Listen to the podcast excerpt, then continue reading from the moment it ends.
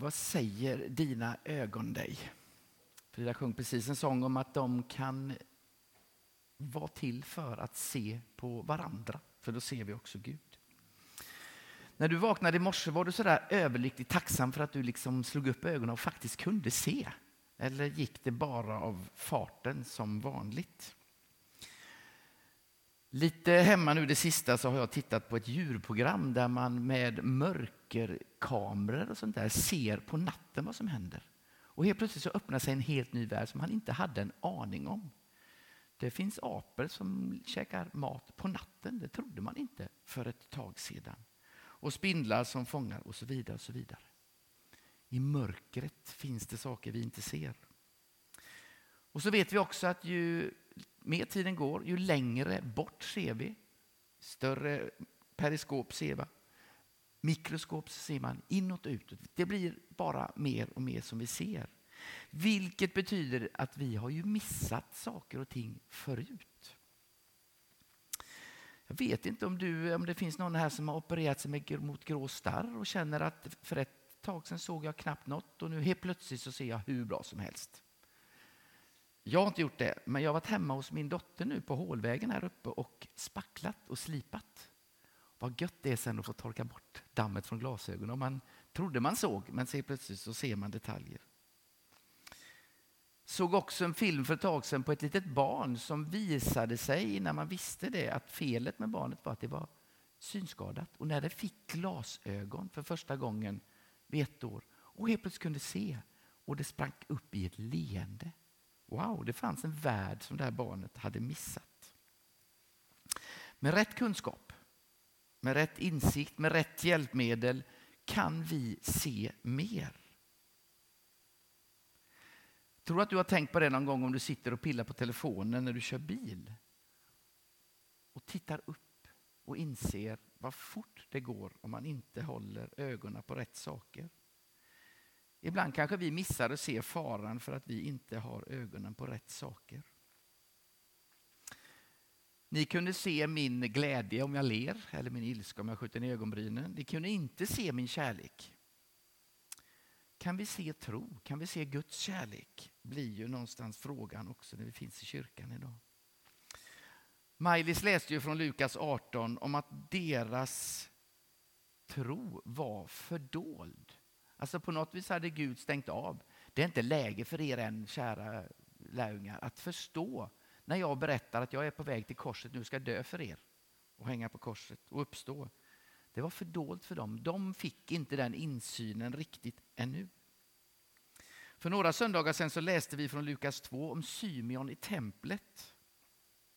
Han som hade varit där och väntat på att få se Jesusbarnet. Och så säger han, mina ögon har skådat frälsningen.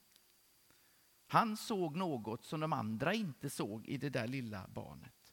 För Gud hade visat honom det. Det verkar alltså som att du och jag skulle kunna se mer eller mindre av det som Gud har som hemligheter för oss kanske. Och allt eftersom så får han lära oss mer. Paulus säger något av det i Efesierbrevet 1 och 18.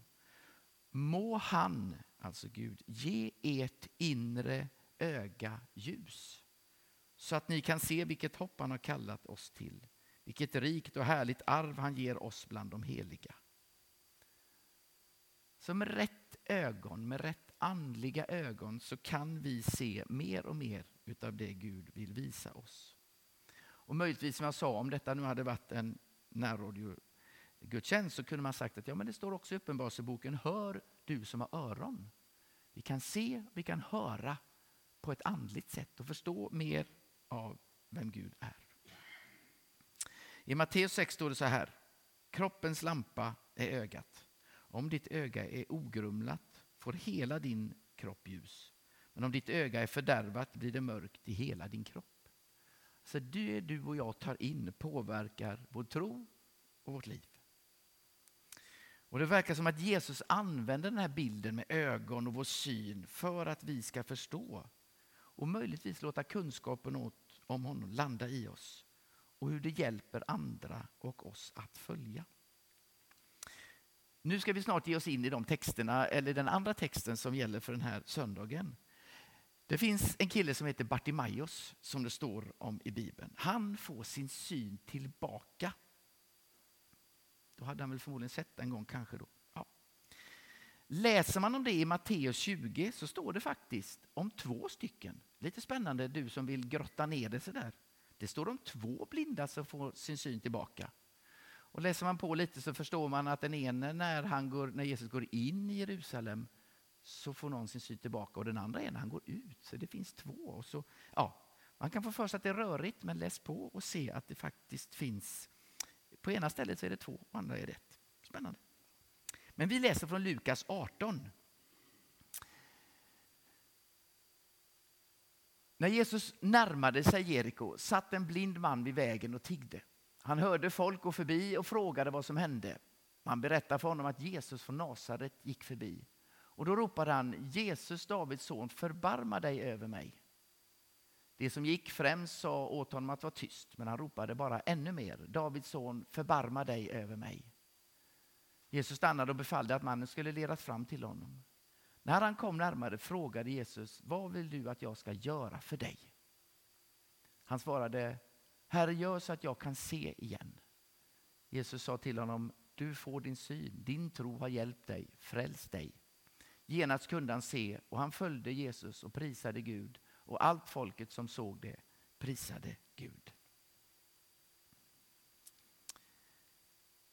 Bartimaeus visste vem det var när de sa det. Jesus är det som går förbi. Då säger han Messias. Alltså visste Bartimaeus. Han hade förmodligen träffat, hört talas om Jesus på något sätt. Han visste redan. Och när man säger Messias till Jesus, då tror man att han är Guds son. Så Bartimaeus, den där tiggaren, fattig, satt där utanför dag ut och dag in, hade redan en tro på Jesus. Förstår man när han säger Messias. Han trodde utan att ha sett. Eller var det möjligtvis då innan? Vi vet inte riktigt när han blev blind. Men vilken tro! Han hör dem ropa. Vad är det som händer? Ja, det är Jesus som går förbi. Guds son, Messias, förbarma dig över honom, över mig. Och när vi ser Jesus igen då som umgås med de fattiga, med de utslagna. Han bryr sig om den där trashanken som satt där utanför som möjligtvis de andra tyckte var olämpligt att han ens existerade. Sluta stör. Jesus, du ska inte ta hand om honom. Bry dig inte om honom. Han är bara en gapa som sitter där borta och skriker. Han brukar göra det. Jesus såg på människorna på ett annat sätt än vad vi gör. Och han lär oss hur vi ska se på varandra och på oss själva. Älska din nästa som dig själv. Och så kommer den där goa, eller möjligtvis lite dumma frågan. Vad vill du att jag ska göra för dig? Ja, men Jesus vet ju allting om Bartimaeus såklart. Han vet hela historien och så ställer han ändå den där frågan. Hade jag nu stått där och sett en blind och den hade tagit sig fram så hade jag nog förstått vad han vill. Han vill väl förmodligen ha sin syn tillbaka, tänker jag. Men Jesus gör mer än så. Vad vill du? Han kan ju önska precis vad han vill. Det ligger i den frågan. Vad vill du att jag ska göra för dig? Om jag skulle ställa den frågan till dig nu här så kanske du hade önskat dig alla skatter i hela världen. Eller högre lön. Eller en snällare fru. Jag vet inte vad du hade önskat dig. Allt är möjligt när Jesus ställer frågan. Be om vad du vill, har vi ett annat ställe i Bibeln. Eller hade du och jag sagt ge mig mer tro? För det gör ju vi ibland när vi pratar med Jesus. Jesus, ge mig mer tro på dig. Det är så svårt. Hjälp mig att tro. Men det behövde ju inte Bartimaeus säga tro, för han trodde ju redan. Han visste redan att Jesus var Messias. Han kunde bett om mat, han kunde bett om alla skatter, för han var väl förmodligen fattig eftersom han satt där och tiggde. Han hade ju redan frågat en fråga. Ha förbarmande över mig, hade han redan frågat. Han hade önskat det. Jesus, se mig, jag sitter här och är fattig. Ha förbarmande, bry dig om mig som sitter här borta. Och när de försökte tysta honom så skrek han det ännu högre. Så han hade först ställt den frågan. Och sen kommer det viktigaste. Det viktigaste för honom ska han svara på nu när Jesus frågar. För det är väl så det blir. Ju närmare Jesus du och jag kommer, ju viktigare frågor vågar vi ställa. Ju mer vi lär känna honom eller någon annan, ju viktigare frågor vågar vi ta upp. Nu fick han det han önskade. Nu såg han det han ville se. Han såg det han hade trott på innan han ens hade sett på det. Han såg Jesus. Det var det första han såg. Vad ser du när du ber din aftonbön och när du närmar dig Jesus? Ser du en mästare som älskar dig, som tar tid för dig, som lyssnar på dig, som sätter dig i centrum, som sätter dig först?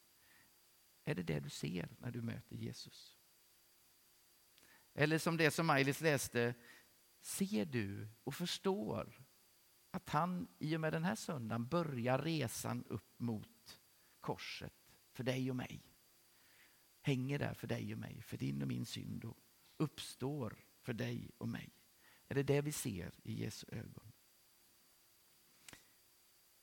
En annan av texterna i dagens sammanhang är kärlekens lov i första Korintierbrevet 13.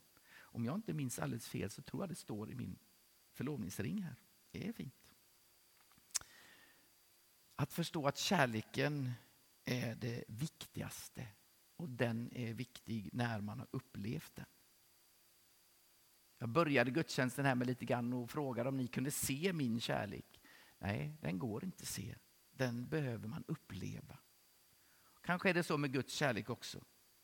Du behöver hitta en relation. Du behöver bekanta dig med den och få den att drabba dig. Då först förstår du hur mycket han älskar dig. Och hur gör man det? Ja, kanske fäst dina ögon på Jesus. Det är många söndagsskolbarn som har tyckt att den är lite rolig. Men det handlar om att sätta din blick, sätta din tillit, sätta ditt förstånd, sätta allt till Jesus och se in i hans vackra ögon. Vi ska sjunga en sång nu som är 227. Handlar om Guds vind. Titta verkligen efter liksom i den texten, den är jättefin. Det handlar mycket om att sätta fokus på olika saker och förstå hur Guds vind kan bära dig och mig. Men först ska vi be. Herre, tack för att du har uppenbarat dig för oss så att vi faktiskt kan se dig. Och även om vi inte gör det med våra fysiska ögon så hjälp oss att se med det som du har planterat i oss av tro. Vi ser dig och förstår dig och anar hur mycket du älskar oss, Herre. Och hjälp oss också att sätta kärleken synlig. Att när du har älskat oss först så får vi älska andra människor, visa på din kärlek och också älska oss själva, Herre, för du älskar oss. Vi ber för var och en av oss här inne att du skulle vara än mer synlig i våra liv, Herre, på något sätt. Så ber vi också för den insamling av pengar som vi gör nu under tiden vi sjunger, Herre. Hjälp oss att se att du behöver oss. Du behöver också det ekonomiska som vi behöver i vår församling. Tack för att du vill välsigna oss allihopa. Amen.